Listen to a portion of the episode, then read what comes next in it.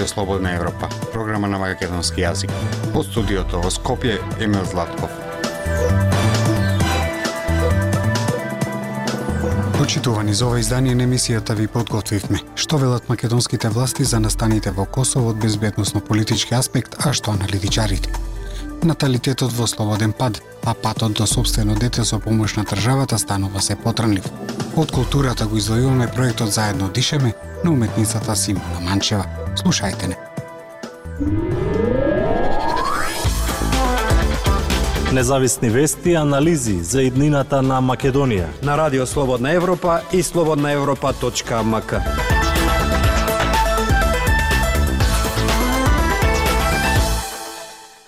Во продолжение на емисијата одиме со подготвените содржини.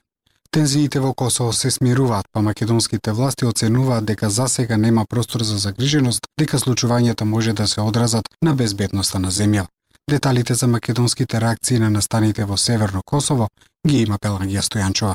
Државниот врв внимателно следи што се случува во соседно Косово и како тоа ќе влијае на безбедносната ситуација во Македонија. Сега ситуацијата во Косово е смирена откако тамошната влада ја одложи одлуката за документите и за регистарските таблички за возилата на србите кои живеат на северот на Косово. Преседателот Пендаровски редовно ги следи состојбите на Косово како наш сосед. По конкретна проценка за тоа како настаните во Косово ќе влијаат на безбедносната состојба во земјава ќе може да се даде согласно на тамошниот тек на настаните, имајќи предвид дека владата на Косово реши да одложи примената на мерките за еден месец, велат за Радио Слободна Европа од кабинетот на преседателот Пендаровски. Поранишниот министер за внатрешни работи Павле Трајанов проценува дека нема да дојде до поширок конфликт, како што вели, Соединетите држави и НАТО со нивното влијание ќе се трудат тоа да се избегне. Тука е дали умник, тука со силите на НАТО, тоа би било конфликт по пошироки размери, не само меѓу Косово и а, Србија, тука ќе се вклучи можна Албанија и така натаму и други балкански држави. Така да мислам дека ќе се превенира и оваа реторика што е воена реторика што сега и Курти и Вучевиќ од друга страна дека ќе заврши на таа вербална војна риторика нема да, да има некои пошироки последици. Трајано вели дека ние како држава треба да следиме што се случува. Нашите служби треба да да соберат информации колку што можат по-автентични информации за се што се подготвува и евентуално да да бидеме по-подготвени ако дојде до ескалација на состојбите, но Лично јас не верувам, значи тоа што го следам, нема да дојде до тоа. Вели Трајанов. НАТО соопшти дека силите на Алијансата на Косово, КВОР, се подготвени да интервенираат доколку биде загрозена стабилноста во северните општини на Косово. Вкупната безбедносна ситуација во северните општини на Косово е напната. Мисијата КВОР, предводена од НАТО, внимателно ја следи и е подготвена да интервенира доколку е загрозена стабилноста во согласно со незиниот мандат, се вели во соопштението на НАТО. Сакате да знаете повеќе? Наша веб страница слободнаевропа.мк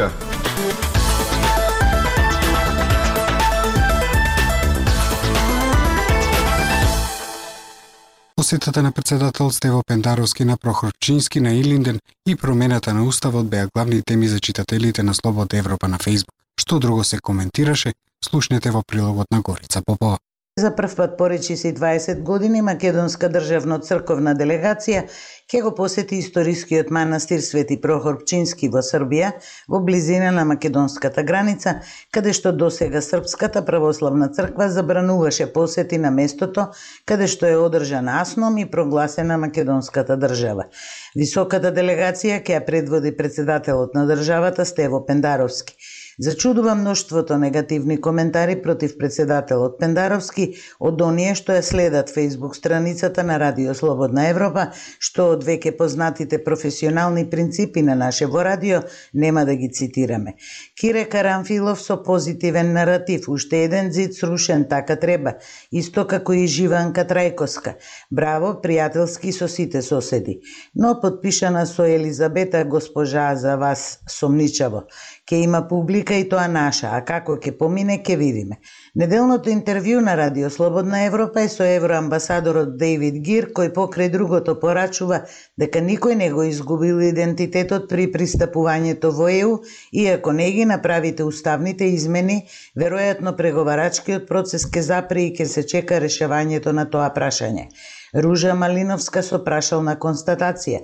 Само за македонците, за нас секогаш има исклучок и други правила за непочитување, изживување и уништување. И Горан Младеновски со сомнеш. Никој не сменил име за почнување преговори со ЕУ, ние да. Зошто пак да не се повтори единствено ние да изгубиме идентитет? Магдалена Тренева го прашува евроамбасадорот дали пред да влезе Бугарија во ЕУ побаравте од неа да го смени уставот и македонците што живеат таму да ги вметне во уставот или тие правила важат само за Македонија.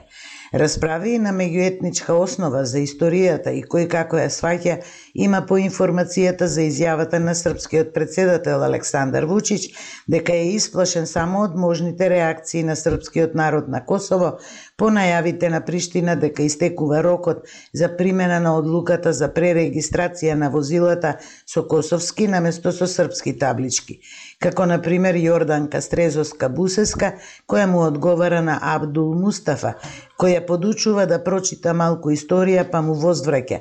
Која историја, ова од Балканов, кој како што му текнало тоа пишувал. Но Николина Глигоровска постирала. Се отепавме за парче земја, а иста земја сите ке не покрие. Наим Хамиди се согласува. Конечно да се чита нешто, некој да размислува со своја глава. Другите коментари не знаеш дали да се смееш или да плачеш. Од нациста до фашиста, само сеат мржња. Господ да не чува. Дайте ни 15 минути и ние ќе ви го дадеме светот. Слободна Европа.мк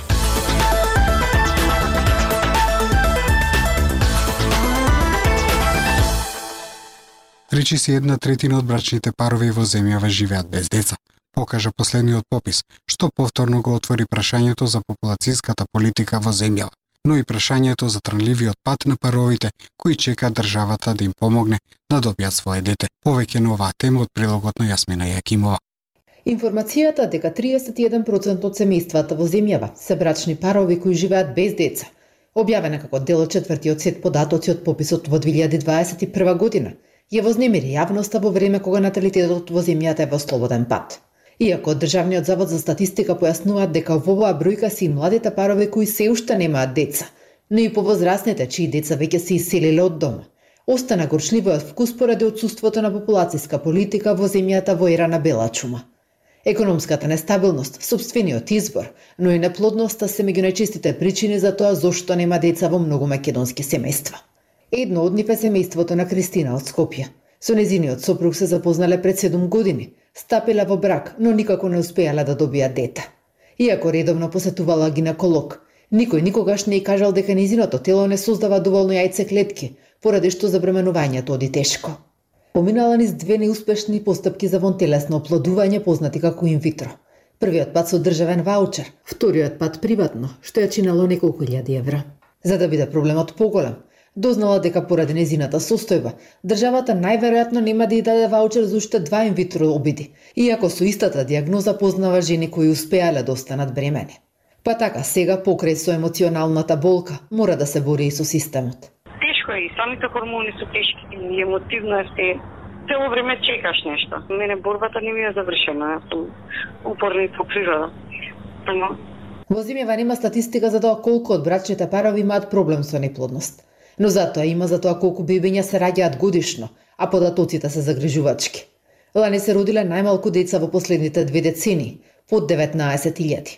Во една деценија за година и пол пораснала и просечната возраст на мајките. Според гинекологот и инвитро специјалист Татјана Горджанова, неплодноста е голем проблем, а државата мора да бара начин за негово облажување. Она што ние го гледаме не само јас, кои што алармираат и другите лекари што се бават со репродуктивно здравје, е доста зголемен процент на машни инфертилитет во последните 10 години и исто така веќе паровите се на постара возраст, односно некаде над 32 или 33 години, кога прв пат доаѓаат на преглед да почнат да се испитуваат.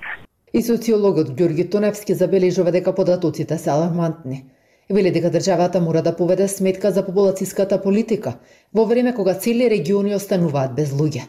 Ние немаме чуено дека некоја институција посебно го поставува тоа прашање и го прогласува дури и за стратешко, тоа е најстратешко прашање, бидејќи ако нема луѓе, нема држава. Во 2019 година Македонија влезе во негативен прираст, кога се родило 601 лица помалку отколку што починале.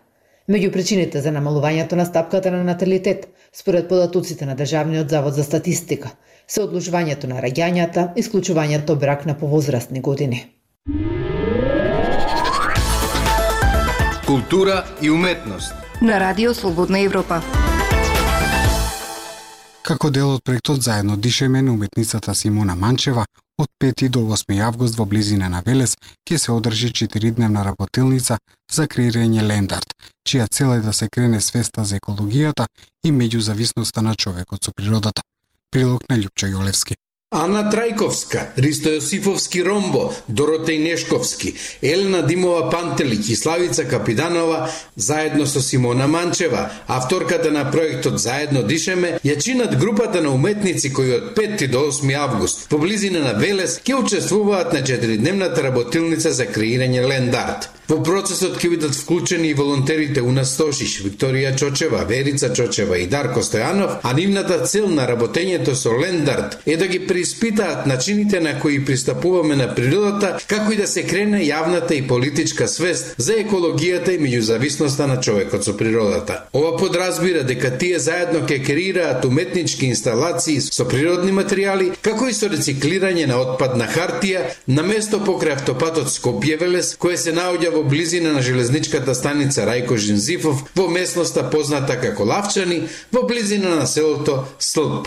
Во рамките на овој настан на 7 август е планирано да, да се одржи интерактивна работилница за пермакултура со правење семенски бомби. Работилницата ќе ја реализира Елена Данова, едукаторка со познавање и искуство од областа на пермакултурата и едукативното градинарство. Иако се во ова е првата етапа од проектот Заедно дишаме на Симона Манчева, во втората е предвидено одржување на работилници за рециклирање и обработка на хартија предводени од Ана Трајковска и Драган Чотане Невски во соработка со јавното предпријатие Комуналец и одделението за хортикултура на општина Кавадарци. А тргнувајќи од реалноста дека и натаму неконтролирано се сеча дрва и се уништуваат цели шуми, дека е крајно време многу посериозно да се зафатиме со пошумување на голините, третата фаза е планирано да биде реализирана во соработка со Македонски шуми, Бор Кавадарци и планинарски клуб ЗПК Зелен брег од овој град. Со овој проект заедно дишима сакаме да зборуваме за заедништвото, за нашето здравје, здравието на населението како предуслов за квалитетен живот и благосостојба, кој има фундаментално значење за одржливиот развој. Генетските фактори се значени, но сепак начинот на живење и влијанието на животната средина во голема мера влијаат на здравјето, на населението, на обшеството. Обшествата чии членови не можат или не сакаат да се откажат од своите неугодности, односно не сакаат од внатре со својот личен напор да спроведат самоограничување, доживуваат повеќекратни, поголеми неугодности, и тоа од надвор и на подолгорочен период. Затоа ние група уметници се трудиме секој со своето индивидуално размислување и став заедно да делуваме за размислувањата на нашето однесување и живење. Вели Симона Манчева. Тоа беше се за оваа емисија. Ја слушавте програмата на македонски јазик на Радио Слободна Европа. Од студиото во Скопје ве поздравуваат Дејан Балаловски и Емил Златков.